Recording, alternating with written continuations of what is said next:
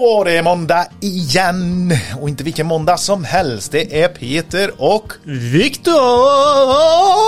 jävlar! Ja. Välkommen till Elektrikerpodden. Tack, Viktor tack. Kinnerdal. Du bad mig prata lite i högre ton, högre ton än vad jag brukar göra. Så att jag, ja, Du, det gjorde jag du. inledde så. Ja. Mm. Du är, för alla lyssnare, är väldigt ny. Är du. Helt ny. Och du är också för lys lyssnarna för dig också nya. Ja, de är helt nya. Nu vet jag egentligen inte vad jag gör här, känns det som. För att jag är lite, så här, lite inringd känner jag mig. Men det, det är jag ju inte, för jag jobbar ju faktiskt här nu. Ja, det gör du. Du är Eh. anställd hos eh, Elektrikerpodden Billy och Peter. Precis. Och ska väl inte höras så mycket här, är tanken. Det får vi se. Ska pyssla med annat. Mm. Stå framför kameran och så och filma, filma bra innehåll för uh, vår Stå YouTube-kanal. framför kameran. Så är det. Ja. Bakom mig.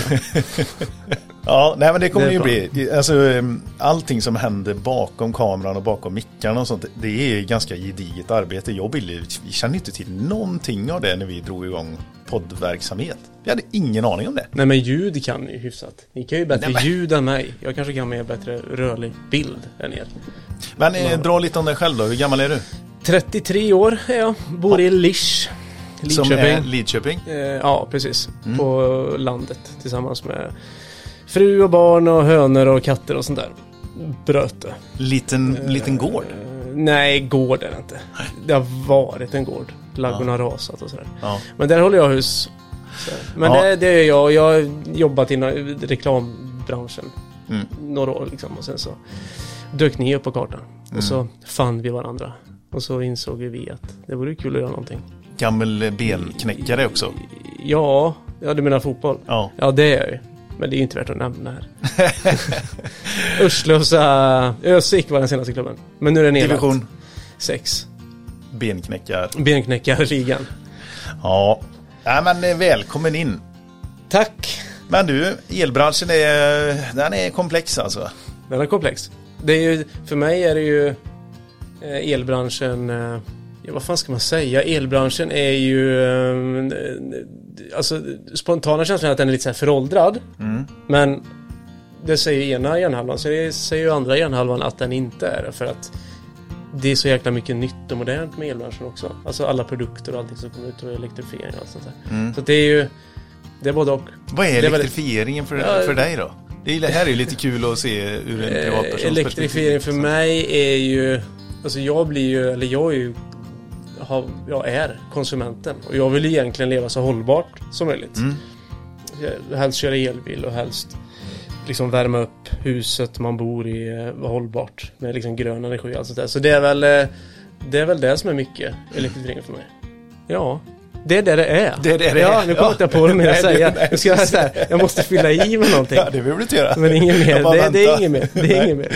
Nej, nej, men det är lite kul som du säger som konsument. Vad, vad betyder elektrifiering för dig? Och det är ju Elektrikerna står ju för installationen utav eh, tekniken. Sen en tanke bara, elektrifiering också för mig som har liksom dykt upp i huvudet är att vi, fan det är bra att allt elektrifieras. Men det är på något sätt jävligt sårbart också. Ja, Alltså el, ska allt drivas av el på framtiden? Ja. Säga, så, så blir vi ju sårbara på det sättet att händer någonting eller vad som helst. ja, Eh, ja, blir det krig eller någon katastrof.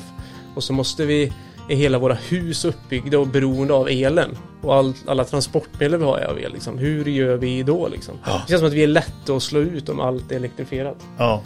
Du tänker på bara precis. en energikälla kanske? Så menar jag. Mm. Vi har ju liksom kamin och sånt där. Man kan man elda, eller elda. Man kan värma upp huset med det om elen inte funkar. Mm. Det Ja, ni, mycket... alltså, ni hör ju Viktor är igång. ja. Tankarna är är igång. igång. Ja. ja. Men det här är ett teknikavsnitt. Eh, idag ska vi faktiskt få, få prata med Elrond om överspänningsskydd. Och eh, jag som eh, säljare tyckte alltid att det där var svårt och bara, nej men det där, det får leverantörerna ta hand om. Så pratar man ibland med elektrikerna så, mm, men det var inte heller, de var inte jättepålästa om det, det heller faktiskt. Så att leverant, det ligger mycket på leverantören att ha den expertkunskapen.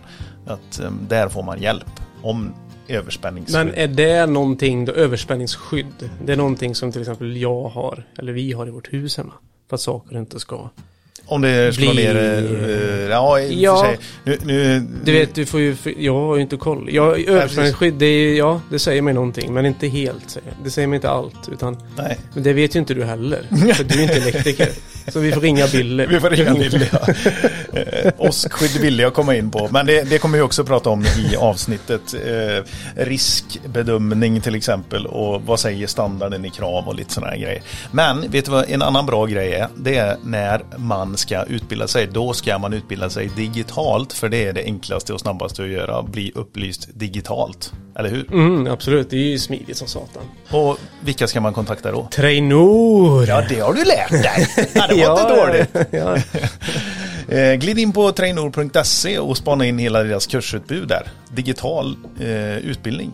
Sen vill vi också tacka Elvis. Det är ju en riktigt, riktigt bra leverantör när det kommer till digitala verktyg. Mm. Eh, ska du till exempel kabel, kabeldimensionera så har de ett, kanonverktyg som du har eh, både i webbgränssnitt och i telefonen. Mm. Jag har sett det. Har vi sett var ju där för några veckor sedan. Ja, just det. Mm. Och jag som inte fattar något av det här förstod ändå. Lite. Och det är liksom eh, användarvänligt som satan, tycker jag. Mm, det är bra, man får ut rätt data. Mm. Svinkul!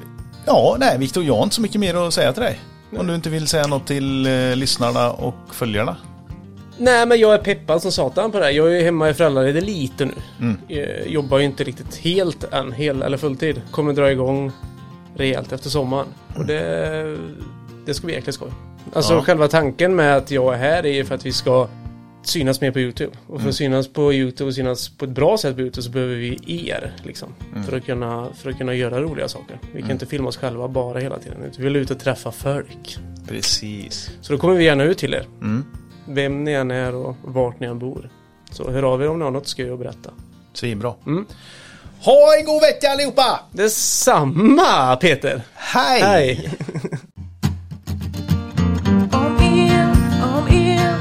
podd som är om el. Om el, om el, en podd som är för er. Med Billy och Peter, vad kan gå fel? Begränsarbare är vi som podcastar, ja det är ni. Superhärligt att vara på västkusten. Jag har bjudit in två stycken herrar som inte är från västkusten va? Nu blir, jag vet att Viktor inte är det, men nu blir jag lite frågande till dig Stefan. Är du... Nej, Nej, det är bra. det är jag inte. Mm. Och eh, Viktor, kanelen, du är tillbaka, back in business. Ja, Härligt att ha med dig i podden igen. Jag och Johan körde ju ett eget teknikavsnitt eh, sist. Har du hunnit lyssna på det? nej för nu har jag inte släppt den. Det har vi inte släppt Nej. än. Ta bort. Men idag så ska vi prata med, eh, så här, vi har fått mycket frågor om eh, både vad det gäller överspänningsskydd och åskskydd. Eh, dels skillnader, när ska man använda det, hur är det med de olika installationerna, alltså i form av elbilsladdning, vi har solcellsinstallationer, det börjar liksom, det är mycket frågor kring just det här med överspänningsskydd. Och då gjorde jag så att då ringde jag till, eller jag mejlade till, till dig Stefan ju. Och eh, sa tjena, nu tycker jag att Elrond eh, ska komma och prata om överspänningsskydd och åskskydd i podden. Och det tyckte du med. Ja, det lät ju som en bra idé. Ja. Eh, Stefan, du är ju marknads och produktchef. Eh, även, eh, du sitter ju med i eh, TK81 är åskskydd va? Ja, Och även, eh, men även TK64. ja. Eh, Ja, så du är ju liksom, Och 37A. Jaha vad är det för något? Det är överspänningsskydd. Ja, det är uppdelat ja, precis. Fastän det leder ju oss in jättebra på första frågan. Vad, vad, liksom, vad, är, den, vad är skillnaden på överspänningsskydd och åskskydd? Ja, överspänningsskydd, det, det tar hand om allt som är ledningsbundet. Just det. De monteras på eh, matning, trefas eller så. Eller på signalkablar eller tele eller liknande nätverk och så. Så att allt som kommer via ledningsbundet. Okej. Medan åskskydd är att det kan slå ner rakt upp och ner på en byggnad eller något annat. Och då måste man ha åskledare Precis. och skydda sig mot det. Fan, det var ju sjukt uh, lätt. Men överspänning det tar väl även indirekta nedslag va?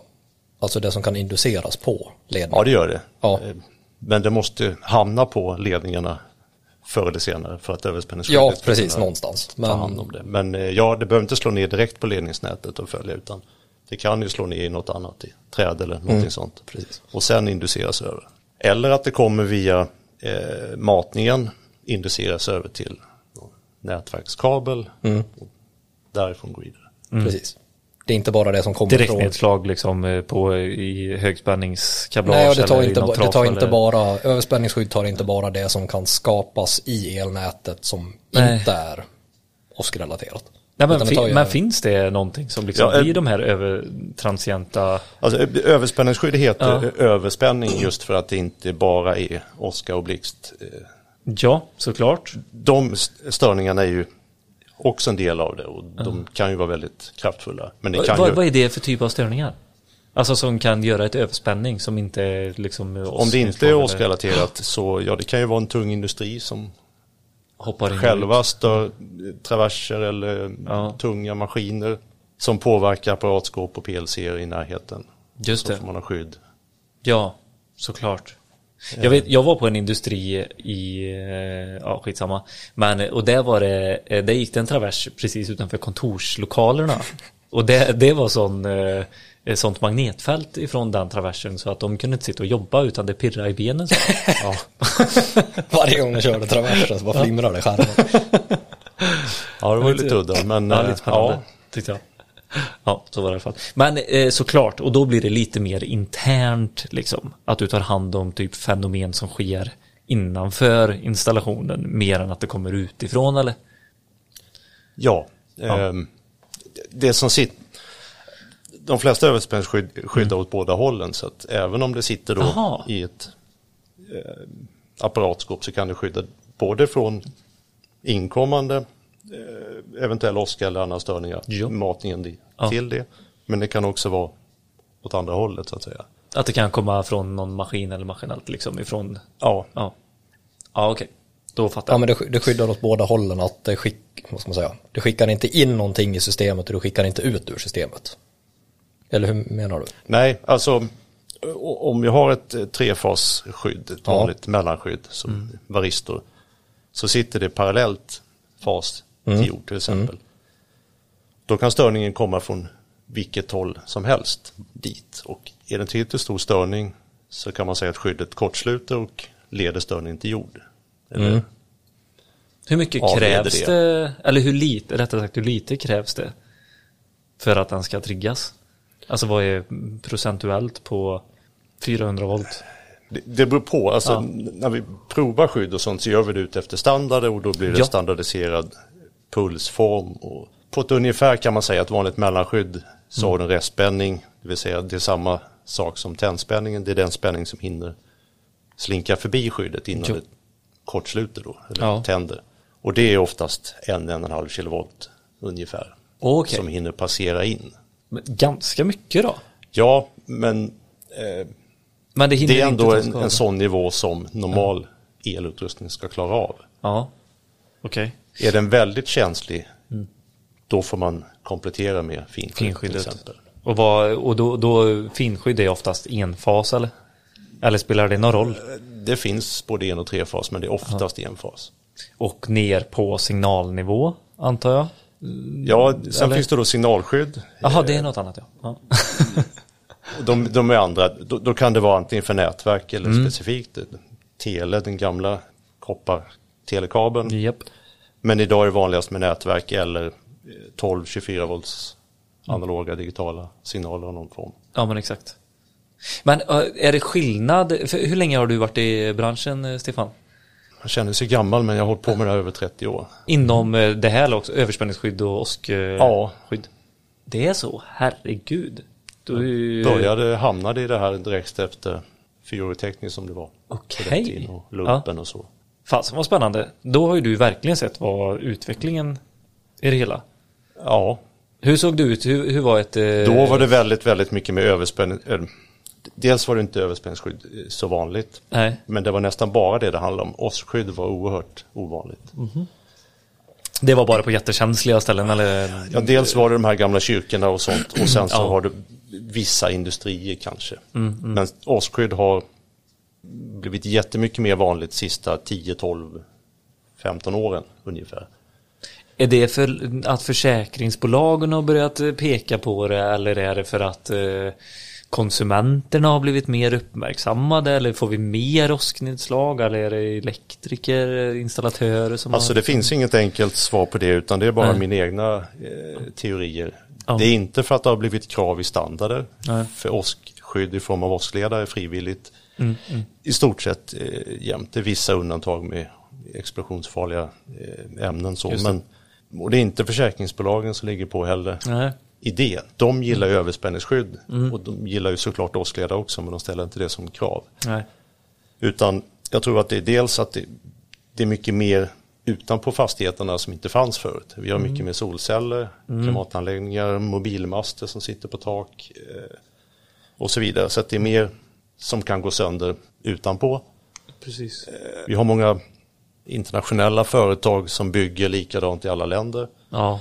Byggs det Bauhaus och Lidl och, och sådana saker så gör de likadant som de gör i Tyskland. Där har de alltid åsksskydd. Då, blir, Okej. det, då blir det det här också. Oj, oj, oj. Åh fasen. Men, ehm, Och klimatet, ja. Eh, ja, ju, varmare ju mer åska. precis. Eller typ den här variationen.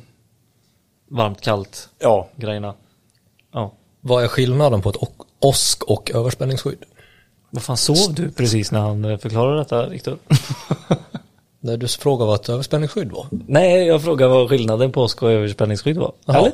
Visst Ja. gjorde jag det förut? Ja, jag kanske gjorde. Men, men vi har, du har bara sagt överspänningsskydd, att det kommer ledningsbundet och att det kan komma, också vara inducerande. Men vi har inte kommit riktigt till Ja, åskskydd. vi kanske inte har Eller dit. att det, Det är jag som är för otålig. Ja, du är lite Ja. för otålig. ja överspänningsskydden är ju till för ja, allt som kommer ledningsbundet, vilket ju kan vara åskrelaterat men också andra typer av störningar. Ja. Antingen direkt på ledningsnätet eller att det har inducerats över. ja, men exakt. Åskskydd, åskledare, är att det måste slå ner direkt I, från luften på byggnaden eller vad det nu är man vill skydda. Exakt. Men det, du, du säger det själv, så här, åskskydd eller åskledare, så här, typ som att det är samma sak.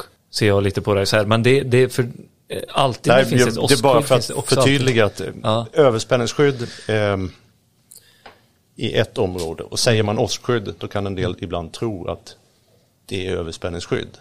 Okej. Men åskledarsystem eller åskledare eller Ja. åskskydd Ja. är synonymer då. Ja, det är synonymer. Ja. Ja. För, men behövs det alltid åskledare när det finns åskskydd?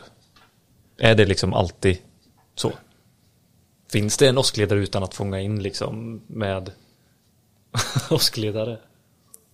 Ja, alltså åskskydd innebär ju ett skydd för fastigheten Ja. i form av åskledare Okej. som består då av uppfångare på taket eller master och eh, liner på tak ner längs fasad och ner till jord, till jordtag. Varför är det, eh, oftast så är det ju platt, eh, platta järn, eller vad säger man? Platt, eh, när det är åskskydd har jag tänkt på.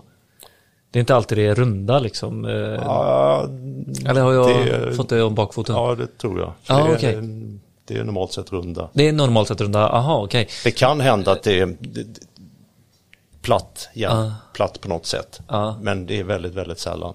Ja, för jag vet när vi pratade med, med Aron på Nexans, då sa ju han det att eh, eh, spänningen går ju alltid runt, alltså i den yttersta delen av kabeln. Ja, det är samma vid åska. Ja, det är Att det. Om du har en åskledare, Ja, åskan slår ner på taket, följer linan. ja, Så själva åskledarlinan så är den här skin-effekt, eh, någonting sånt. Så att det är ytterkanten på linan som strömmen går ja. mest. Ja, är det strömmen eller spänningen? Strömmen. Ja, det är både och. Ja. Det, det är lite lurigt det där, men vi, mäter oftast eh, åskan i form av eh, strömmen. Ja, okej. Det gör vi alltså. Även om vi kallar det för överspänningsskydd. så det är lite begreppsförvirring så. Men Mm. det, det är ju en kombination såklart av spänning och ström. Men det är strömmen som vi fokuserar på. Även på, men även på överspänning, inte bara åskskydd utan överspänning också så är det strömmen liksom vi, vi, mäter. vi mäter ju hur många kiloampere det klarar Ja. ute efter en viss puls. Som Ja. då kan vara en spänningspuls. Och så. Ja, okej, då fattar jag. Men och, kan du inte eh, ta med oss eh, på Elrons eh, produkter? Det var skillnaden på eh, typ grov, eh, mellan och fin eh, och så de här som du sa. Alltså hur, hur ska jag bygga upp en, eh, en villa på bästa sätt med era produkter? Mm. Eller ska vi ta något annat som Jag skulle är vilja ta mer- det steget ja. längre, för en villa det är så pass lite. Jag skulle Ja. vilja ta det här som vi pratade om lite innan, men med en större gård. Ja. Alltså där man kanske har fler byggnader som det går emellan. Vad är det för gård då? Är det luftledning in och en fasadskåp? Eller vad heter det? Stolpskåp? Vi, eh, vi slår en tärning här att det var. ja. Men, säg att det är markbundet och så har vi ett bostadshus och sen har vi en lagård 50 meter bort. Och en däremellan- tork har vi också. Ja det har vi. Och så är det 50 meter markkabel däremellan. Ja. Räcker det, räcker det med ett skydd där? Nej. Nej, gött. Sen, du, du kan alltid göra på olika sätt. Du, du, du kan ha flera förslag som, som blir ganska bra också. Det gäller både överspänningsskydd och hur man bygger upp åskskydd och sådär. Det finns alltid olika lösningar som kan bli bra. Det är lite sunt förnuft och sen att man gör minst efter de regler som finns. Ja. Men om man ska ta det exemplet då, så ja, dels någon form av eh, skydd på inkommande, eh, något markskåp eller så. Ehm, och då ska det vara någon form av grovskydd. Och, ehm, nu pratar vi grovskydd, mellanskydd och finskydd och så. Ja. Egentligen i standarden så säger man inte det utan då är det typ 1, typ Ja, 2, just typ det. 3 eller Det är man ju såklart. klass 1, 2, 3 och så. Ja. Men det blir lätt att man hamnar i som ord så att säga. Ja. Men om vi bara översätter ett klass 1-skydd, är det grov eller det är fin? Det är grov. Det är grov. Det är grov. Så desto lägre siffra, desto grövre skydd, man ska säga. Så Just klass 3, det är finskydd. Just det. Men vi kan fortsätta att kalla det grovskydd. Och då, då, det finns ingen regel på att det måste vara ett renodlat grovskydd eller någon slags kombiskydd. Det här med att det heter grov mellan eller grov fin och sånt. Det är ju vi som tillverkare som har tagit fram de lösningarna. Jag fick ju lite skit eh, utav Ingmar tror jag det var när jag sa att det finns ett skydd som både är grov, mellan och fin. Nej, det- finns inte. Men det var en lyssnare som skickade in att jo, Elrond har. Ja, ehm, Ja, förlåt, fortsätt. det, det här är en lång historia. När vi Ja. började ta fram skydd för Ericsson för deras Aha. radiobasutbyggnad och hela den här mobilexplosionen. Eh, Då fanns det bara grovskydd eller mellanskydd och sånt. Okej. Så då tillsammans med dem utvecklade vi de här kombiskydden för att de vill ha, Ja. de har en station, en sajt, det, det finns bara en central och där ska de sitta och de måste skydda känslig dyr utrustning. Yes. Så det var så det började och då kallar vi det för så. Och det har ju fungerat uppenbarligen väldigt bra. Så, att, ehm, så i alla fall någon form av grovskydd av inkommande. då. Och sen är det då 50 meter till nästkommande byggnad. Då finns det så stora risker att blixten kan slå ner i närområdet, hitta den kabeln och gå vidare till den. Ja, att det förstör saker centralen. ba bakvägen, om man ska säga. Ja, eller det som första skyddet inte hinner med till exempel. Nej, precis. Skulle däremot nästa central sitta fem meter längre bort i samma byggnad eller så, då behöver vi inte ha något mer. Ja, för det Där. om jag inte minns helt galet så finns det väl någon tumregel att var tionde meter ungefär ska det finnas ett överspänningsskydd. Ja, eh, det står också i standarden att eh, efter 10 meter så ska du Då, då, då är det inte skyddat längre. Sen kanske det inte måste sitta just där. Alltså det är ju skyddat men då bör man komplettera med ytterligare Ja. skydd. Så man får nästan tänka som i zoner. Så att bostadshuset blir en zon och lad, lagården blir en zon. Ja, Har man fin elektronik, datorer och liknande då blir det en zon. Fast lagorn, då kan det bli eh, i b- båda ändarna av lagorn liksom. eh, Antar jag med eh, vid centralerna. 10 meter går ju ganska fort. ja om, vi, om vi nu går från det här markskåpet till ladugården som var 50 meter bort. Ja, Där har du då en central ja. och sen i den så finns det kanske då som det gör idag de här väldigt dyra eh, mjölkrobotar Ja, och precis. allt vad det är utrustning för flera miljoner. Då måste du skydda det specifikt. ja. Eh, sitter det då en undercentral i andra änden av den här 100 meter långa eh, byggnaden. Där matar det vidare till en annan byggnad eller till belysningsstolpar eller, ja, så. Precis. Då hjälper inte de andra skydden som du har satt förut. Nej. Så, Så det, det, man det, det är lite om. vilka kablar går till och Ja. från byggnaden. Men är 10 meter en bra tumregel? Eller, eller står det i standarden? Det står. Det står i standarden, så det är det man ska utgå ifrån. Dela in zoner i 10 meters, men också även inom de här 10 meterna så får man kolla också, är det något extra känsligt? Så att du behöver ha finskydd eller Ja. teleskydd eller eh, signalskydd eller ja. Sen är det ju inte så eh, petigt på metern. Det vet Nej, ju inte nej. överspänningsskyddet eller Nej. blixten om så att säga. Precis. Utan det är ju för att få någon slags tumregel Ja, i- standarden. Vad som blir rimligt. Sen, sen ska vi väl klargöra att spikar du ut en stigarkabel och 30 meter efter en vägg så ska du ju inte dosa av och sätta ett överspänningsskydd var tionde meter utan det är ju eller? Det, Nej. Stefan kanske ville. Får han sälja lite mer? Ja, eh, det vore ju bra. Ja, utan då blir det har, man nu 30 meter, låt oss säga, och så är det central, 30 meter kabel och så central till, då blir det ju överspänningsskydd vid båda centralerna. Precis. Ja. Det, det är inte var tionde meter Nej. utan det, det är ju andra änden av den. Precis. Bra Ja, förtydligande. så det inte blir jättekonstiga installationer framöver. Eh, Men eh, torken då? Där eh, har vi en väldigt hög byggnad. Vad är plötsligt. torken för något? Vet du inte vad en tork är? Nej, en, det är en eh, Göteborgs... Nej, när man är en vanlig silo. Alltså. En silo. Ja, Spannmålstork. spannmålstork, Ja, ja. precis. Som är kanske 10-15 meter liksom. Sådär. Det är ju ganska vanligt, eh, i alla fall i de trakterna där jag kommer ifrån, att mm. var och varannan bonde har sådana jätte, det måste ju vara sån blixt eh,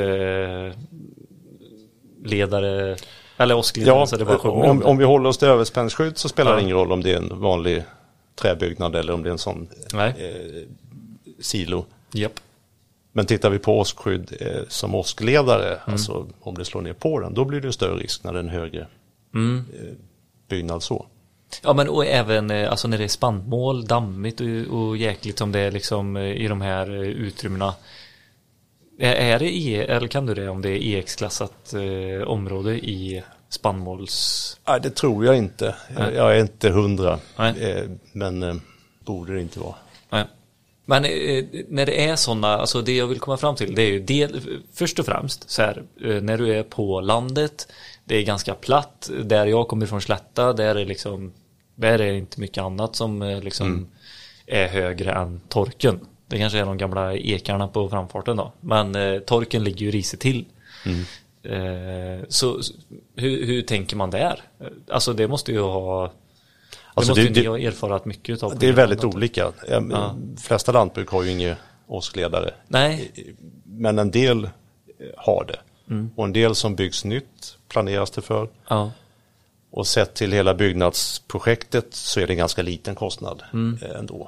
Precis. Och silos på lantbruk förekommer att man har åskskydd. Mm. Men de flesta har inte det. Nej. Det är klart, är det så att det är väldigt platt och den, ja, d- den är högsta punkten så blir risken stor. Är, det- är det någon skillnad på vad det är för eh, material eh, liksom eh, när åskan slår ner? Om torken är gjort i trä eller alu eller plåttak eller tegeltak eller alltså du vet. Alltså metall är det ju bättre såklart så, men annars är det ju eh, kortast avstånd mellan mark och eh, moln som, Ja. som vinner så att säga. Precis. Så, så där är det oavsett Ja. material. Man har ju sett de här blixtarna som går åt sidan också riktigt så här. Typ går ner och så jävlar. Eller? har ni inte sett dem? Jo, alltså bl- blixten kan slå, ja, dels kan den slå både upp och ner. Ja. Eh, det finns både positiva och negativa blixtar och det kan gå i sidled ganska långt också. Ja. Och sen är det- det man inte tänker på ofta det är om man gör ett årsskydd på en byggnad och så högsta punkten där slår blixten ner. Eh, men sen så är det det här man ser på i, i luften att det är massvis med eh, förgrenas ja, precis. och det slår ner över hela byggnaden. Ja. Eh, och det är därför vi vill utforma årsskyddet över hela med rutnät av linor och sånt. Och kanske flera uppfångare för att täcka in. Man kan Eh. inte använda, om man har ett plåttak på huset, man kan inte använda den som Ledning. le, le, alltså ledare och sen koppla Jo. på ledaren i typ takfoten. Jo, du får använda byggnadsdelar av metall som Ja, årsledare. man kan göra det. Om de gör tillräcklig tjocklek. Ja. Finns det, Det finns angivet. det finns angivet. standard. Så då ska ett plåttak till exempel måste kanske vara minst 0,8 millimeter då. Något Ja, sånt. det är betydligt mer. Det är betydligt mer. Det, det är olika för millimeter. olika metaller, hur många millimeter Ja, tjockt för jag tänker det ett, ett standardplåttak idag det är väl kanske, ja det är väl sällan det är över en millimeter. För då Ja. börjar det på att bli jäkligt dyrt. Ja, nu kan jag inte avstånd eller de måtten i huvudet, men jag för mig att det är några millimeter. Ja. Och ja, sen så så då, får då det måste bara- vara ett ganska rejält tak i alla fall. Man Det får inte bara ligga omlott eller sådär, utan det måste vara ordentligt förankrat också, svetsat eller Jaha, Ja, okej. då- så att det inte blir då- gnistbildning mellan plåtar eller Då faller ju det på de flesta privatbostäder i alla fall. ja. Det Ja. Men om vi går över till kyrkor då. Alla gamla koppartak. Har ni varit i Lidköping nyss eller? Nej. Inte Lidköping? Nej, det var ett tag sedan. Ja, det var ett tag sedan. För där har de nämligen bytt tak på kyrkan till ett nytt koppartak. Mm. Det är första kyrkan jag ser där kop- alltså kopparn inte har ärgat, ni vet. Mm. Alltså, Fast Wow. ny, ny koppar idag blir ju inte lika fin. Den blir ju typ svart och inte det här gröna. ja okej, ja det kanske blir. Ja, Har jag hört. Okej, jag vet inte, det, vi får ju se. Men det var jäkla häftigt i alla fall. Alltså herregud vad det var coolt. Det måste varit jättefint med alla kyrkor runt om i Sverige som liksom hade det här koppartaket liksom förr. Men där, för du, nu börjar vi ju komma in på något som är väldigt känsligt, alltså både kulturmässigt eller kulturarvsmässigt och högt kyrkor. Och där kanske, kyrkor. och där kanske vi har, eh, kan man använda taket där på något vis när det är sådana koppartak liksom? Eller hur, hur har ni varit med i de projekten? Ja, kyrka händer ju då och då. Eh, Ja, antingen nytt eller att man vill gardera sig. En del är ju väldigt gamla och det vill man ju inte riskera att de brinner upp. Sånt har ju hänt. Men man kan använda metalldelar som taket. Samma sak där egentligen om det är tillräcklig tjocklek. ja, De flesta åskskydd i Sverige bestod ju av koppar på något sätt. Det var kopparlinor och, och sånt från tak och ner. ja, På kyrkor, det var ju standard. ja, Men där är nästa sak också att det stjäls ju Ja. jättemycket koppar. precis. Så idag är det nästan eh, Aluminium. aluminium, till Ja. uteslutande. Det är det. Det kan vara koppar då man vill återställa kyrkor eller, slottsbyggnader och liknande. Ja, För att precis. det ska vara enhetligt och så. Ja, ja. Men då får man vara beredd att Byta den ibland. Ja, Nej, gud vad hemskt det är egentligen att man ska behöva tänka så. Men så är det ju. Men du, alltså vi, vi ska hålla tungan rätt i mun nu. Vad som är överspänningsskydd och vad som är åskskydd. Det måste vi vara noga med. Eh, så vi har ju pratat lite om standarden vad eh, överspänningsskydd, vart det, eh, vad, det innebär. Men vart ska man välja, eh, vart, vart bör man ha och vart ska man ha ett överspänningsskydd? alltså generellt eller Generellt, får vi säga nu. Det är som standarden säger. Vill du läsa Viktor eller ska vi eh, testa Stefan på... Alltså det, det finns krav då i elinstallationsreglerna utgåva 3 och snart utgåva 4. Ja, Ehm, och där det då är krav på att det ska vara överspännsskydd vid medicinska utrymmen, lantbruk, ehm, ja vad står det uppräknat? Service till kommersiella marknader och så vidare. Ja. Service till allmänheten. Och det kan ju vara då telekom och, och så vidare. Så i- stort sett det mesta utom bostäder är uppräknat.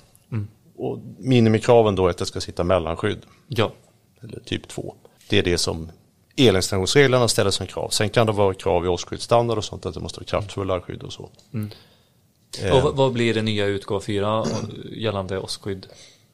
Eh, överspännsskydd, förlåt mig. det är ungefär detsamma fast man lägger till skolor Ja, okej. som krav. Ja, det lägger man till som krav nu. Mm. Och platser där det vistas många människor. Jaha, okej, typ köpcentra och... Ja, det, är inte Allmänna- riktigt, det är lite oklart vad, vad vi menar med det. Men ja, större samlingsplats i alla fall. Ja, allt som inte är bostäder kan man säga fortfarande. Och det, det är ett rimligt minimikrav att, att det ska sitta ett mellanskydd eh, överallt. Vi är ju i ett, på ett område i Lindholmen här nu där det är jättemycket kontor och kontorskomplex och sånt. Det lär ju vara- komma under den då, Ja, tänker jag. Ja. Men, eh, Men jag eh, tänker på det, det som står att det ska vara ehm, det ska finnas där det, eh, där det påverkar service till allmänheten. Service till allmänheten, kan det innebära till exempel gatljus? ja det var ju en bra fråga. ja, Hur tolkar du det? Du har ju auktorisationen. Det är upp till dig. ja, precis, det är upp till mig. Ja, men, Ja, den Ja. får du ta med dig till nästa eh, TK. Det mm. tusen service till. Det har ju inte jag tolkat på det viset, men eh, Jag tänker ju med en gång som du sa, så här 5G-nätet, 4G-nätet, att det är Absolut. sån här service till Ja, allmänheten. för det är det, det. där, där står, sen står det till exempel förlust av publika tjänster, datacenter och museum. Men samtidigt Museum? service till allmänheten. Det, är ju det kan också vara eh, löst vatten begrepp. och avlopp, Precis. reningsverk och sådana saker. Ja, inte liksom att... Förutom till, till ja, 5G-nät och så också såklart. Ja, ja. Det som inte är uppräknat då som vi sa bostäder, där ska man göra en riskanalys för att räkna ut då om det behövs skydd eller inte. Ja, den är ju inte rolig den riskanalysen. Nej, den Och, får, det finns en Det jättefin är formel. enormt sällan som vi blir inblandade i alla fall i det. För att arbetet med att ta fram då hur många åskdagar det är och avstånd till närmsta eh, transformatorstation och sådär. Ja, Det kostar rätt mycket mer än att bara sätta in ett skydd. ja, ja. Mm. Och oftast kommer man fram till att glesbygd, luftledningsnät, då ska det vara överspänningsskydd. Även om det är villor. Tätort, förort, eh, markbundet är det oftast inte krav. Nej, nej. Nej. Ja, men du, har- för om du använder den här formeln, kan du säga den eh, Viktor? Ska jag säga formeln? Kan du allt vad det, vad det står för? Nej, men man behöver, för att räkna fram det här så behöver man veta eh, ledningslängden ända bort till högspänningsnätet.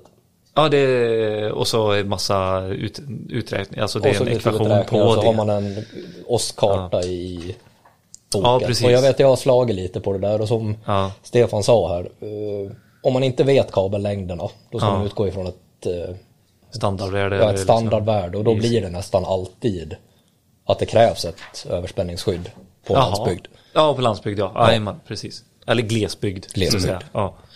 ja. Så den formen är inte jätterolig om man inte stegar upp eller Nej. vet var transformatorer och sånt är. Men den här riskbedömningen, eh, alltså by the book, så bokstavligen talat, så har vi ju en formel. Mm. Men det måste finnas tumregel det med liksom, att det är så här, men det är det som du säger. Det är Ja, eller så gör man inte den utan sätter upp ett överspänningsskydd så Ja. har man löst problemet. Ja.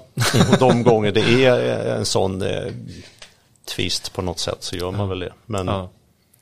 men som tumregel då för, för bostäder eller villor så- så är det ju att eh, glesbygd, luftledning, då bör du ha överspänningsskydd. Men vad, vad bör man ta in i sin riskbedömning? Det är det som jag är ute efter också. Liksom. Hur, vad, hur ser man om du är på en plats, liksom, den här riskbedömningen, vad, vad ska du titta efter? Vad ska liksom...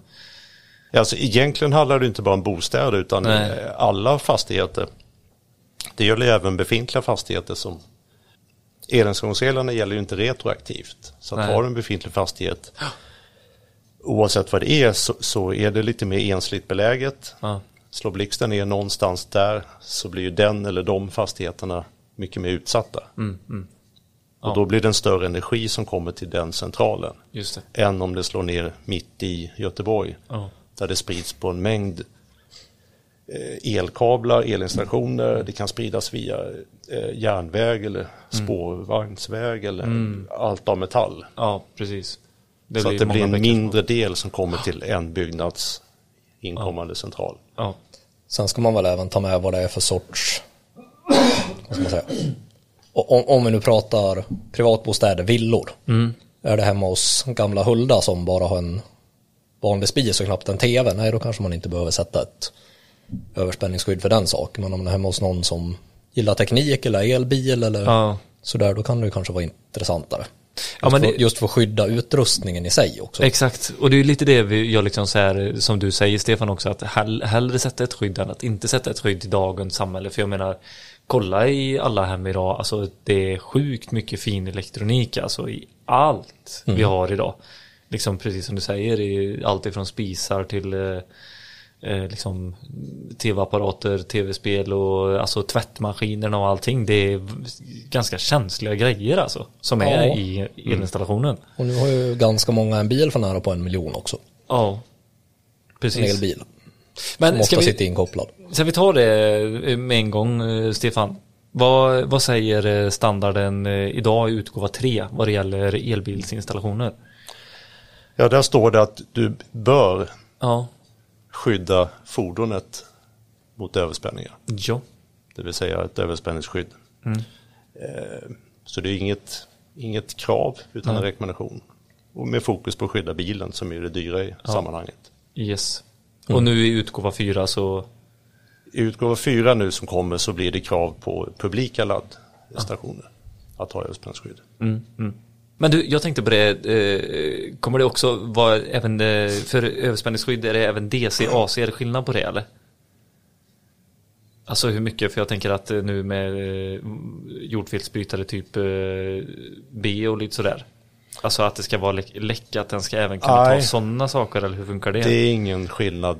Det är ingen skillnad på där. överspännings... Nej, Nej. utan du sätter det på AC-sidan oavsett. Eh, Jaha. Ja.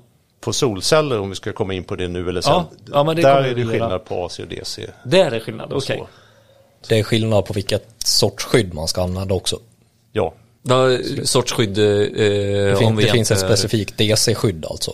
Ja, precis. Alltså, när du skyddar trefas eller en, 234 volts Mhm. som det oftast är, Mm. då är det en typ av skydd. Eh, sen finns det specifika DC-skydd för solcellssidan, eller Mm. växelriktans DC-sida.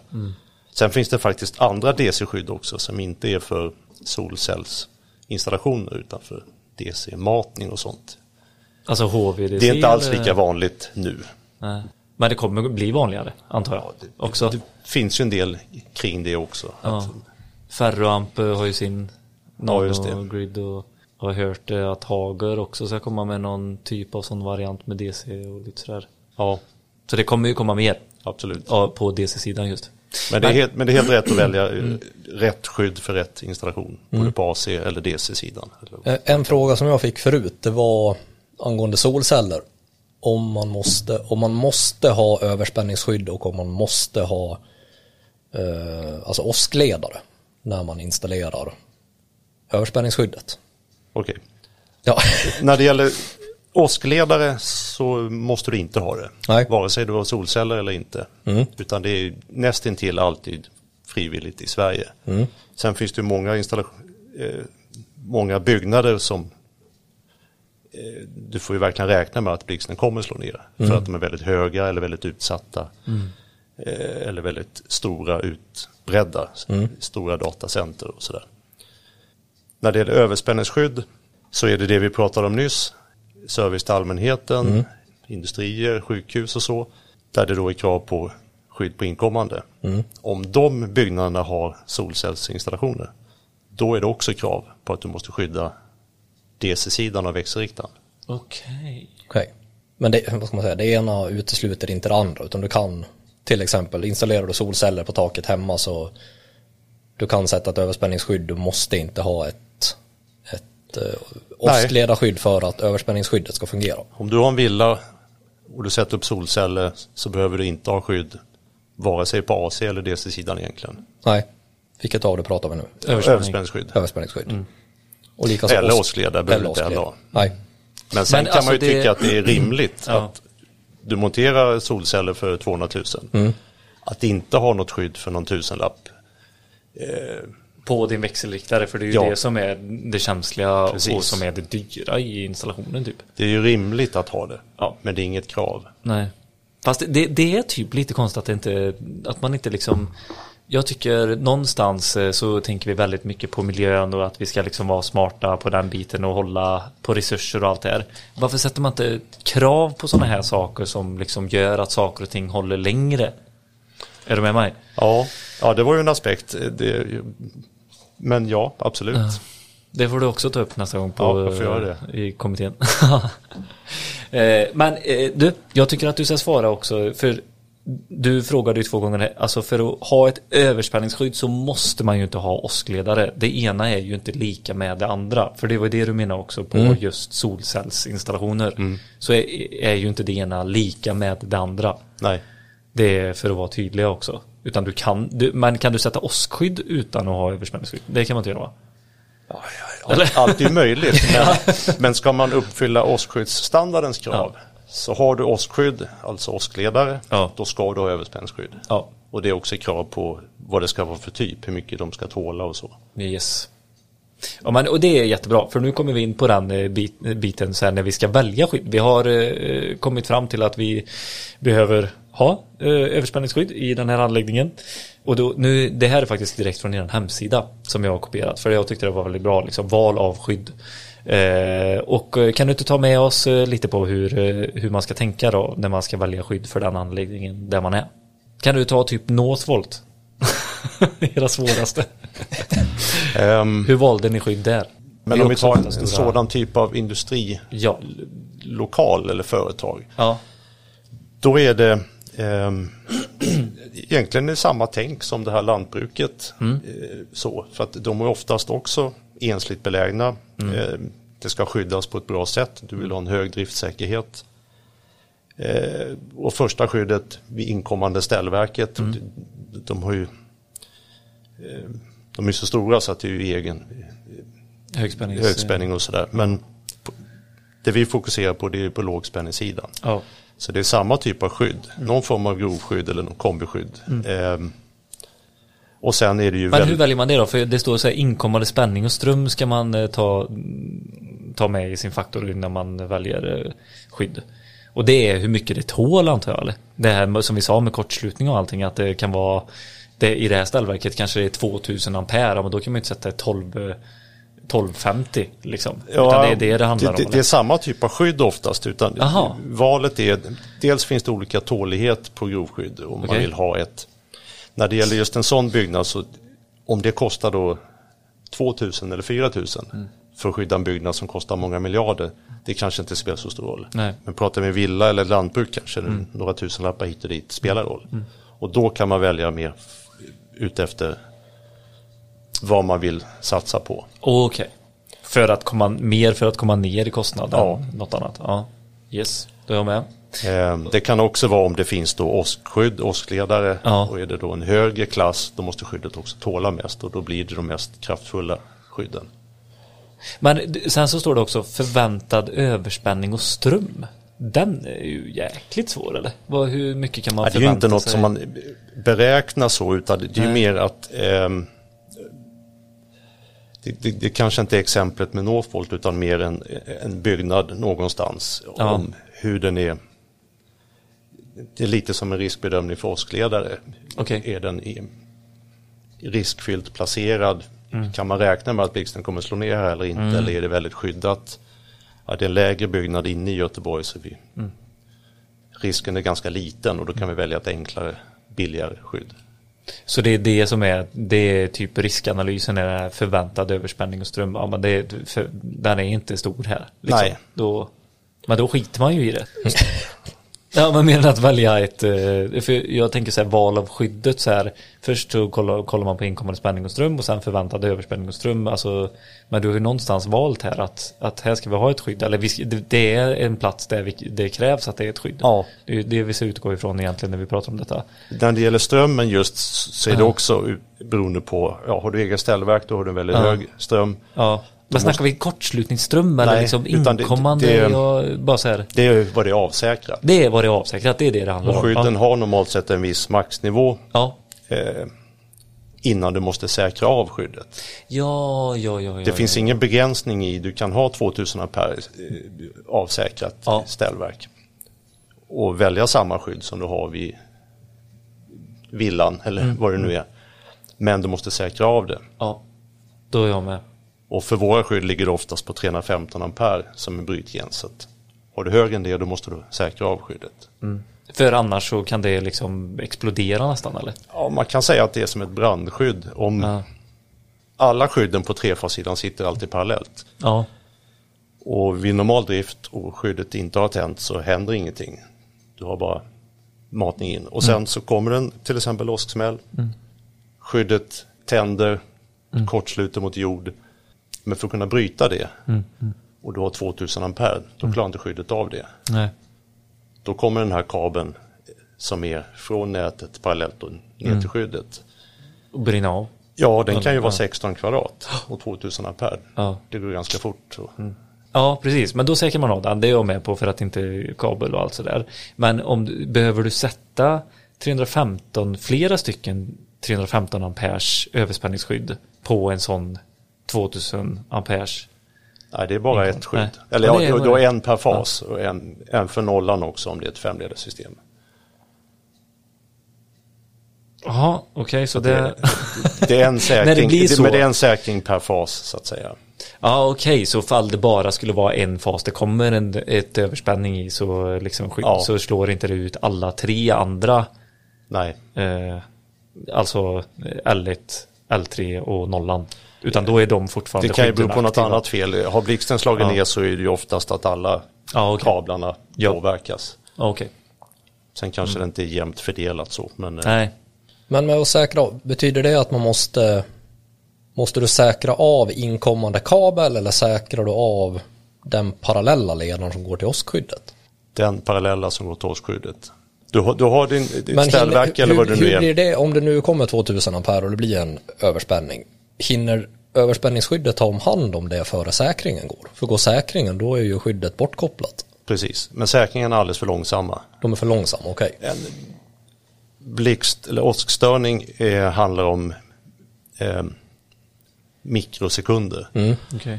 Och skydden reagerar på x antal nanosekunder. Ja, okej. Okej, okej. Så när säkringen väl löser då är redan spiken Ja, Förbi. så att i tidsmässigt så kommer åskan, eh, det smäller, störningen går förbi säkringar och sånt som inte alls hinner med. Skyddet tänder, för det reagerar ju bokstavligt talat och snabbare än blixten. Ska ju liksom hinna med det. Sen kanske inte skyddet klarar att bryta tillbaka. Då Ja, går då säkringen. går säkringen. Okej, Just det. då är jag med. Ja, men då är jag också med. Eh, och, och så nästa steg, erford, erforderlig avledningsförmåga samt restspänning ska man kolla på. Och det, det är vad, hur mycket anläggningen tål eller? I restspänning, eller vad, vad är det man tar in där? Ja, nu för tiden är ju de flesta överspänningsskydd Ja. har ganska låg restspänning. Det var inte riktigt så förr. Nähä, okej. Men eh, ju känsligare elektronik, ju mer du, om det här sitter då för att skydda datorer eller PLC eller någonting sånt som Mm. är känsligt, då vill du få ner störningen så lågt som möjligt Ja. från början. Alltså det som går förbi, så att säga. Ja, det Ja. som inte överspänningsskyddet hinner reagera på innan det tänder. Det är restspänningen. Ja. Mm. Yes. Och vad är den? Eller var det det som du sa? En, eh, Det varierar lite men Kilovolt. oftast någonstans mellan en och en och en halv kilovolt. Ja, det var så. Ja, okej. Jag tycker fortfarande det låter ganska mycket. Vad var det innan då, tänker jag? Om det är låg? Ja, alltså en, det kan ju handla om tiotals kilovolt Ja, okej. och eh, tiotals kiloampere. Ja, ja. Men tycker inte, du tycker inte att det låter mycket? Eller så är det att... eh, Ja, jag blir så indoktrinerad i det här. Ja, precis. Det var Nej, men det, det är en kombination av, även om du har det- den spänningen så är strömmen som hin, är ganska liten då. Så att det, det blir en ganska liten störning som hinner gå förbi innan skyddet tänder. Men det här med eh, avledningsförmågan då, är det vad du har för eh, inkommande pen eller jord eller vad är det? Avledningsförmåga? Är det överspänningsskyddets eh, avledningsförmåga som vi syftar på? Jaha, okej. Och det är olika? Är det, olika? Det är de olika klasserna som vi sa? Ja. Klass 1 till 3? Ja, Vad och är- sen kan det också vara specifikt hur, hur mycket de tål. ja. Bara för att det är ett grovskydd så finns det då olika mycket tålighet och sådär beroende på hur, hur stora varistorer eller vad, vad det är för komponenter som sitter i. Men va- varför har man eh, så mycket olika? Är det för att kunna hålla ner? Jag tänker att det är typ billigare att producera en som är väldigt bred än flera olika produkter som är Ja, men e- egentligen så, eh, vårt eh, absolut bästa skydd både tål jättemycket i princip direkta blixtinslag och lämnar en låg restspänning. Ja, Det skulle man kunna ha jämt. ja, Alla andra alternativ är bara för att de är billigare egentligen. okej. Så, Ja, så krasst är det. ja, det är det. Ehm, Så vill man vara och- säker och- så man, man vill liksom hitta det som är tillräckligt bra för det man behöver. Ja, ja, men jag fattar. Det är också resurser liksom. Man ska inte slösa. Du ska inte alltid Sen försöker vi hålla ner antalet varianter så att det inte blir för Ja. krångligt och också för att få lönsamhet. Ja. eh, Att få Ja, men jag menar det. inte allt för många varianter då. Ja, exakt, exakt. Eh, Okej, och generellt gäller vissa grundregler även om varje anläggning är unik. När det gäller inkommande kraft så kan följande punkter vara en vägledning. Okej, just det. Och det är ju lite det vi har pratat om egentligen faktiskt. Men då står det vid luftledning bör grovskydd installeras. Ganska självklart. Som vi har pratat om. För att han är mycket mer utsatt Ja, liksom, än eh, den nedgrävda kabeln. Den är ju mer utsatt men en nedgrävd kabel är ju också utsatt. Sen, sen är det inte bara det här med luft eller markbundet Okej. som gör att det blir eh, sannolikheten för att blixten påverkar en luftledning är större. Men om blixten slår ner någonstans Ja. och påverkar den markförlagda Ja. så kan det bli lika stor ström, lika stor störning Okej, som den kan transportera. Just det. Så det kan bli lika stora skador av det. Och det är där eh, då kommer till nästa punkt. Vid landsbygd bör grovskydd installeras också liksom. Och där har du Ja, och Varför? det är egentligen oavsett om det är luft eller markförlagt. Ja, exakt, exakt. Eh, och så den sista. Är åskledare monterad på byggnaden bör grovskydd installeras också. Precis som du sa. Alltså jag uppfattade det som att när man sätter upp ett åskskydd eh, eller åskledare så är det en del av åskskyddet är ju också grovskyddet. Eller överspänningsskyddet liksom. Det är ju den hela produkten blir ju det. Med åskledare som leder ner och även grovskydd så att det inte leder in någonting. Ja, alltså har man åskledare då har man ju förväntat sig att här kommer blixten slå ner. Ja. Och då är det rimligt att också ha det ledningsbundet med överspänningsskydd. Men också för att åskskyddsstandarden, vill du uppfylla den så, så, så ska du också ha överspänningsskydd. Ja. Men du, nu ska vi gå in lite, på, eh, lite mer på åskskydd. Nu har vi pratat eh, mycket överspänningsskydd. Ja, en sak till vill jag ta först. det är klart. Ja, eh, när, det, när man använder grov, mellan och finskydd för kraft, då använder du den elektriska jorden och leda bort överspänningen med, Mm. eller hur? Men när det kommer till eh, nätverk, då har du väl eh, sådana man kan plugga på RJ45 kablaget på. Där måste du väl dra fram en extern Ja, jord till det. Så då, det blir ju som en del av potentialutjämningssystemet då. alla åskrelaterade störningar är alltid relaterade till jord på något sätt. Och då vill vi alltid ha komponenterna inne i överspänningsskyddet till jord. Så därför vill, vi, vill och måste vi alltid ha jord. Och har vi ingen jord som du sa, då får vi dra fram en. Sen kan det vara störningar som är relaterade mellan faserna eller mellan eh, signalparterna i den här nätverkskabeln och så. Och då kan det vara andra typer av störningar som inte har med åskan att göra. Det Nej, kan precis. också skydda till. Det finns komponenter då placerade så. Och om man nu har Men ett, ja. ska det vara åsksskydd så måste det vara jordat i alla fall. Ja, och sen om man nu har ett stort eh, kontorskomplex till exempel och det är datanätverk med kablage Trådbundet. Mm. trådbundet. Då, om det är tillräckligt långa sträckor då måste du väl ha ett överspänningsskydd vid datastativet och sen borde du, bör du väl även ha ett ute vid varje arbetsplats. Ja, om du vill skydda Om det du som är i båda, båda, ändarna. ändarna. ja. Sen är det inte lika stort behov inne i fastigheter så, speciellt inte när det är kontor. Nej, Som när du har nätverksförbindelser mellan byggnader eller ut till IP-kameror. Eller ut till eh, växelriktaren på solcellerna som vi pratade om. Där har det varit en del bränder. Trots att man har haft överspänningsskydd på både AC och DC-sidan. Men man man har glömt bommat. bort Ja. att det är en RJ45 Ja, Som det går som vidare. går- Vikt, ja. viktigt att få med alla vägar in för annars så är det ogjort arbete många gånger. Ja, Man ska tänka efter innan. Tänk efter före. Men eh, eh, någonting som du och jag pratade om eh, eh, innan du kom Stefan också, det var det här med, eh, och det är inte lika aktuellt längre eftersom det är fiber vi tar till våra hus. Ja, telefon. Men, eh, ja, men telefonledning, alltså kopparledning, att det ska komma på, från samma ställe också in i eh, huset helst. För att det har också den här potentialskillnaden, eller med potentialskillnaden att göra. Så är man i ett utsatt område så bör man typ antingen byta ut i fiber eller gräva runt teletrån och komma från samma håll. Absolut. Ja. Allt kablage och eh, allting Ja. eh, vill man helst få in på samma ställe som Okej. du säger. Och när det var el och tele så absolut, hade du telen in på andra sidan huset så blir det en väldigt stor spänningsskillnad, det blir olika potentialer. Eh, fast du har överspänningsskydd så kan det ändå bli skador till Ja. och med. Så att, eh, man vill ju få in allt på samma ställe och inte bara kablage utan även ja, andra metalldelar Avlopp, eller fjärrvärme eller Ja, precis. Fjärrvärme. Alla, alla främmande ledande delar. Ja. Nu är vi inne på potent, Ja, på- potentialutjämning. Men eh, det är ju det som är Idag så har du ju ofta Alltså avgreningen ifrån eh, Fjärrvärmen Plast PVC eh, Vi Ja, det har blir ju färre och färre. Ja det blir ju verkligen färre och färre Det är ju inte Det är ingen som drar, lä- lägger ner gjutjärnsrör Det enda man kan, det med tele är ju oftast fiber idag, även om det finns en del fortfarande. Eh, Men det är ju att man inte bara låter bli använda den. Den finns ju fysiskt där uppe. Ja. Blixten kan fortfarande komma via kopparkabeln även om den inte används. Och, så det gäller ju att ta bort helt och hållet i så fall. Eller åtminstone till några meter från huset. Gräva in den i grannens hus om man Ja. vill.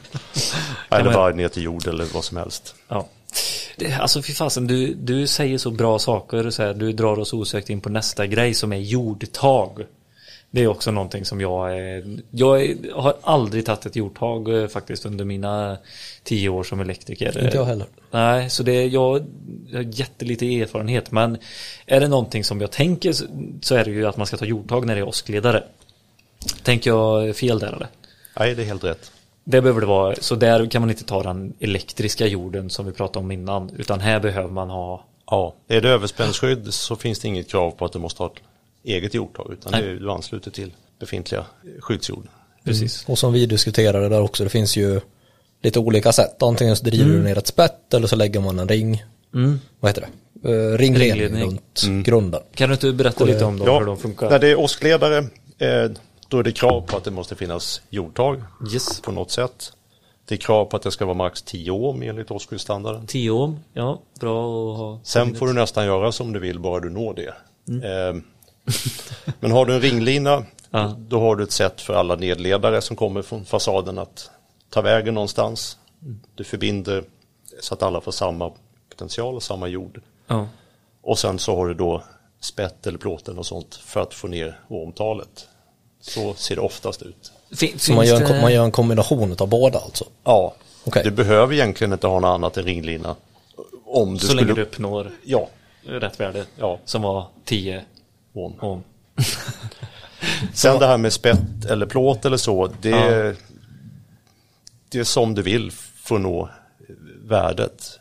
Men Det mesta tänker- beror på hur marken ser ut. Vad det är, för, är det bra jord eller Ja. är det grus och sten och berg? Ja men såklart. Det ändrar ju förutsättningarna. Men jag Ja. tänker också så här. Hur nära huset eller själva byggnaden kan man liksom.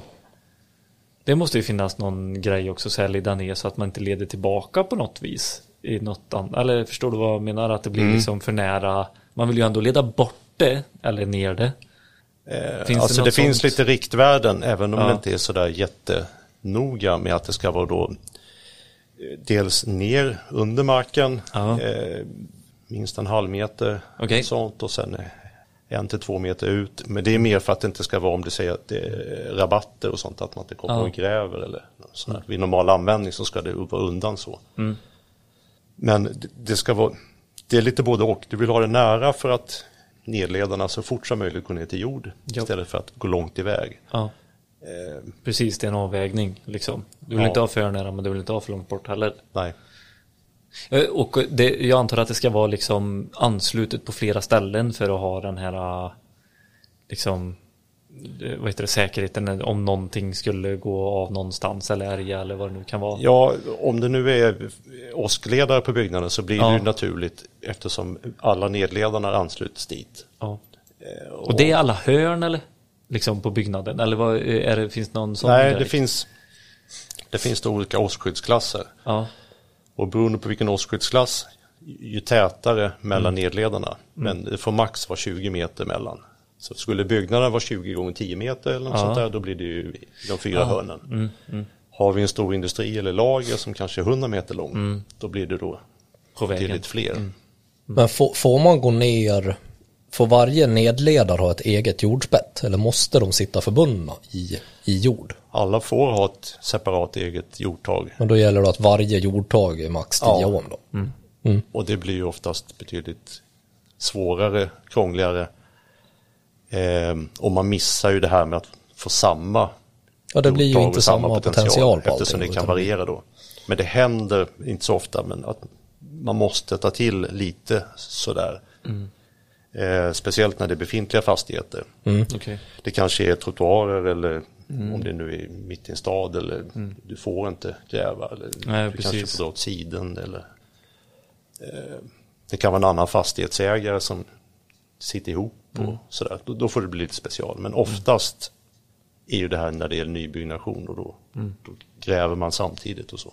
Sen ska vi väl kanske också säga att det här med 10 ohm, det duger ju inte att ta multimetern och sticka ner i jorden och mäta mot jordtaget riktigt, utan det krävs väl lite rejälare.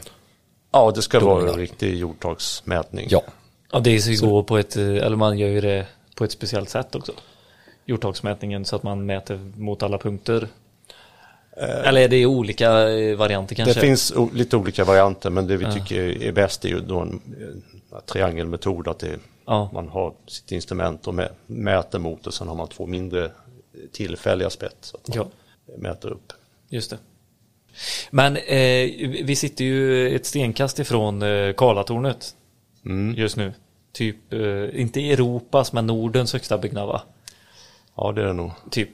Alltså, får man ha åskledare i en byggnad? Jag tänker så här, du pratar om typ en del av konstruktionen skulle kunna vara åskledare. Och alltså de jävla järnbalkarna som de har hela vägen upp där är ju bra jävla gods i.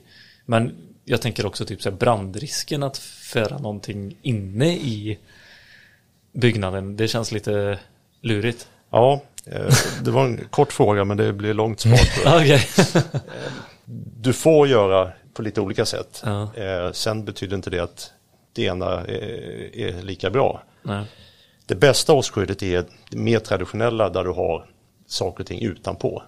Lina liksom. Lina Ja. fysiskt på taket. På taket kan man ju inte komma loss. Du kan inte göra på något annat sätt eftersom det är där blixten ska slå ner. Eh, Men på fasad har det blivit vanligt att man vill ha det, eh, det ska vara estetiskt, arkitektritat och man vill inte att det ska vara synliga eh, åskledarlinor och sånt. Nej, precis. Även om det går att göra det på andra sätt. Vi har till exempel att man kan få det lackat i byggnadens färg och sånt här. Jaha. Så att det smälter in bättre. Ja. Men man får också använda byggnadskonstruktionen.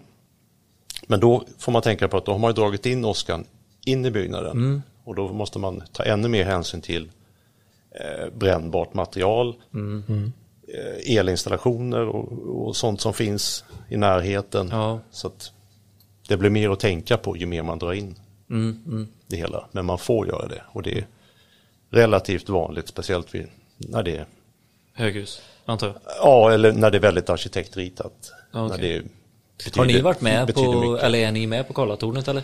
Jag har varit med i några turer då och då.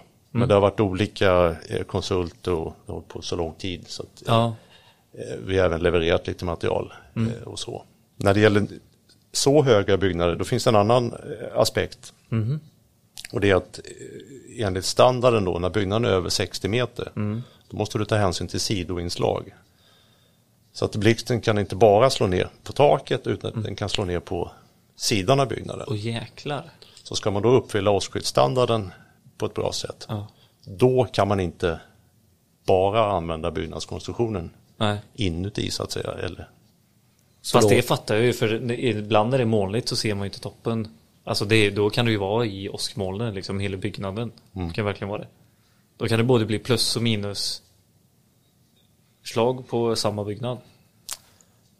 ja, det, det, det kan det bli. Ehm, så oavsett om man får använda det så kanske man åker på och dra utanpå ändå just för det här med om man vill uppfylla standarden. Om man vill ja. Sen är det ju inget krav. Alltså de kan bygga Karlatornet och ha, skippa åskskyddet om de vill. Mm. Men de får ju räkna med att blixten kommer ju slå ner. Ja, Rätt Ja. så mycket mer än Och någon jag, och annanstans. jag gissar Ja. väl att försäkrings, försäkringsbolagen kan väl säkert göra lite på, på, på, på, på vad heter det? premien. Premien ja. Mm. Också om man nu har ett åskskydd på en så stor byggnad. Eller om man utlämnar det kanske Eller går så är det så här att du får en asdyr eh, försäkring istället för att Om man inte inte har har det. liksom, eller så här. Nu är det för bara känns- spekulation. Ja, ja, herregud. Ja. Det är Men sen är det ju också så att eh, det är ju, nu vet jag inte vad det är för projektkostnad, men det är väl miljardbelopp. Ja. Men ett åskskydd för en sån byggnad, det är väldigt litet. Ja. Det är en ganska liten kostnad.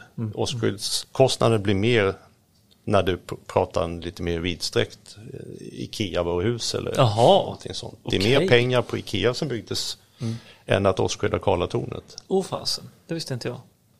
Men du, eh, sen så precis, gränsvärden, någonting som vi, eh, du har varit inne på lite Stefan, vi ska faktiskt eh, börja runda av, men det är också det här med eh, befintliga byggnader. Det, är ju, det finns ju sjukt mycket befintliga byggnader som inte har tagit hänsyn till det här som vi har pratat om idag och du kan få eh, nya kunder som undrar och, och, och som vill ha din konsultation liksom hur, hur ska jag tänka här och sånt. Men finns det alltid lösningar även till befintliga byggnader både vad det gäller överspänningsskydd och åskskydd? Ja, det gör det. Överspänningsskydd är oftast ganska enkelt och det, kostnadsmässigt. eh, Det är en lödda på väggen och så bara Ja, sen blir det ju mer om det är stora industrier och Ja. det kanske är många byggnader och mycket signalkablage och sådär kanske. Men det är ändå inte så svårt. Det, det gäller att hitta rätt skydd till rätt typ av signal och, Ja. och sådär.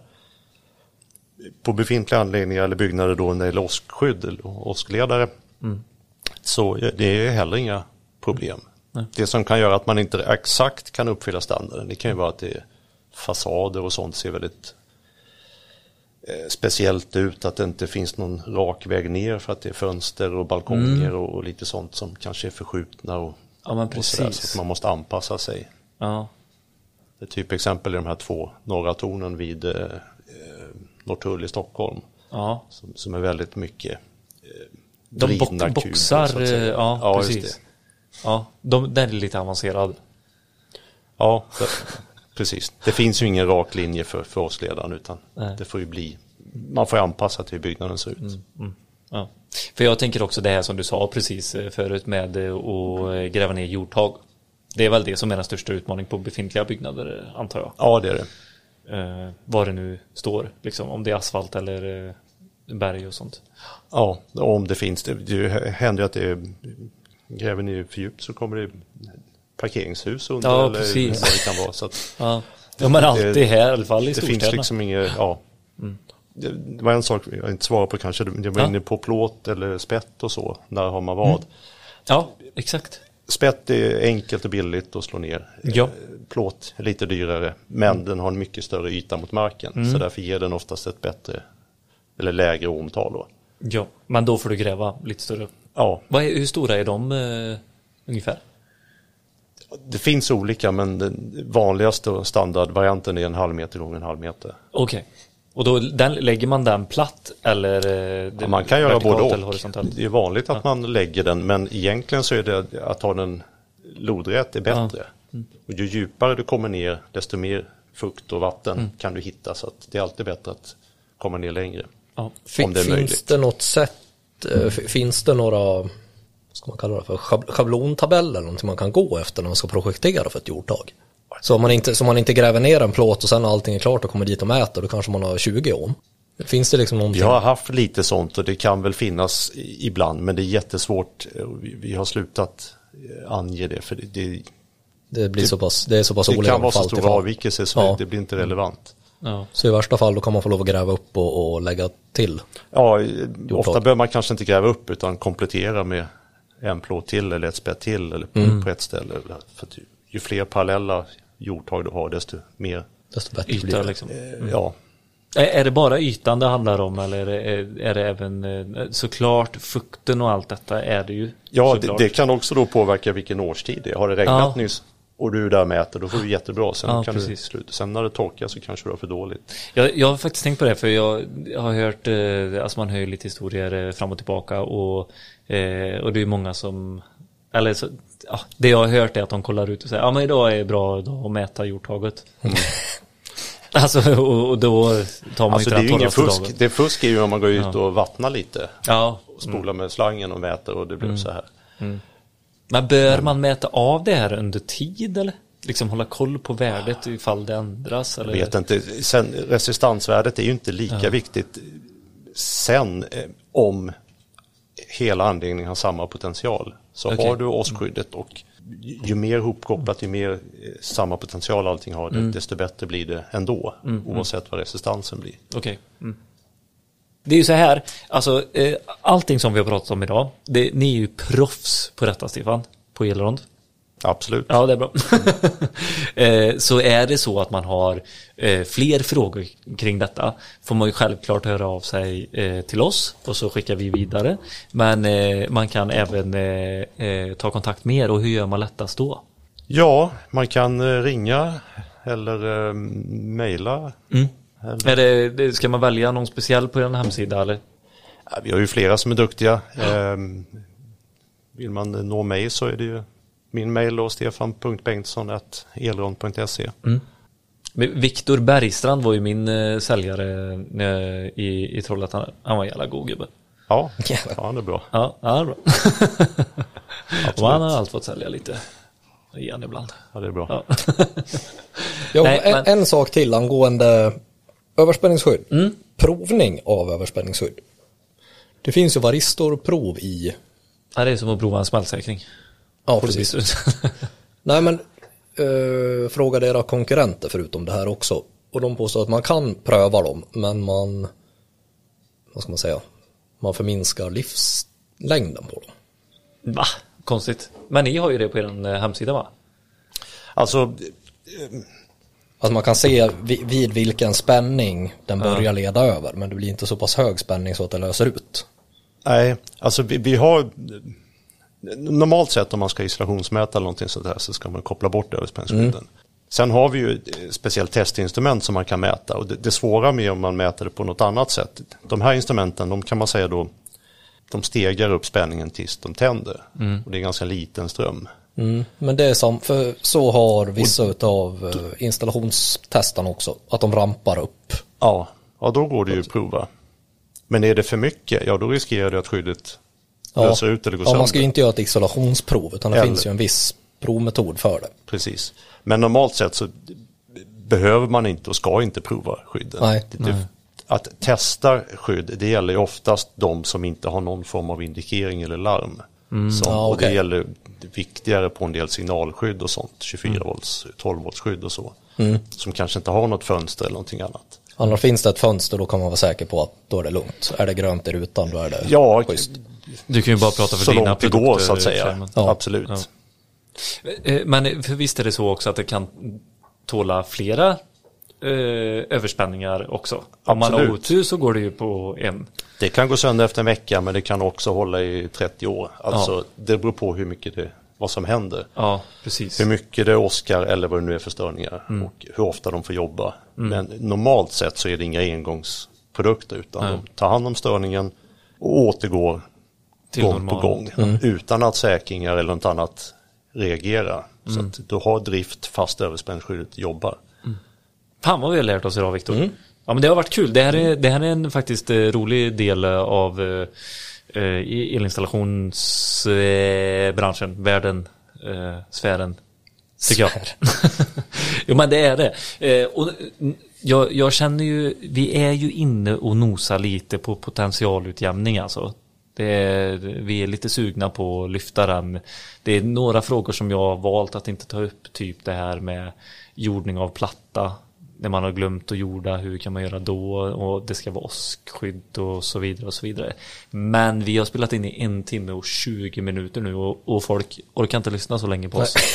Så det är nästan så vi ska ta ett nytt avsnitt för det. Det, det får bli ett annat tillfälle. Ja, Ja. typ så. Så eh, eh, tar vi det då. Men eh, som sagt, har ni frågor och funderingar så eh, kan ni mejla eller kontakta eh, Elron direkt. Men sen så tänker jag också även att ni går in på vårat eh, Facebookforum, eh, blir medlemmar om ni inte är det. Och där kan vi även lägga ut de här pdf-erna som ni har kanske, Stefan, på uppbyggnad av eh, eh, överspänningsskydd och sånt som ni har som, som lathundar. Det kan vi göra. Mm. De, de är ganska sköna att ha liksom, kunna ladda ner. Eh, eh, som jag tycker är bra i alla fall. Men grabbarna grus, tack så jättemycket för idag. Är det något som ni vill eh, tillägga innan vi rundar av? Nej, på återseende. Ja, Ja, Precis, det blir bra. bollen är rund och boken är snabb. Ja, ha det gött. Ha det. Hej. Tack, tack så mycket.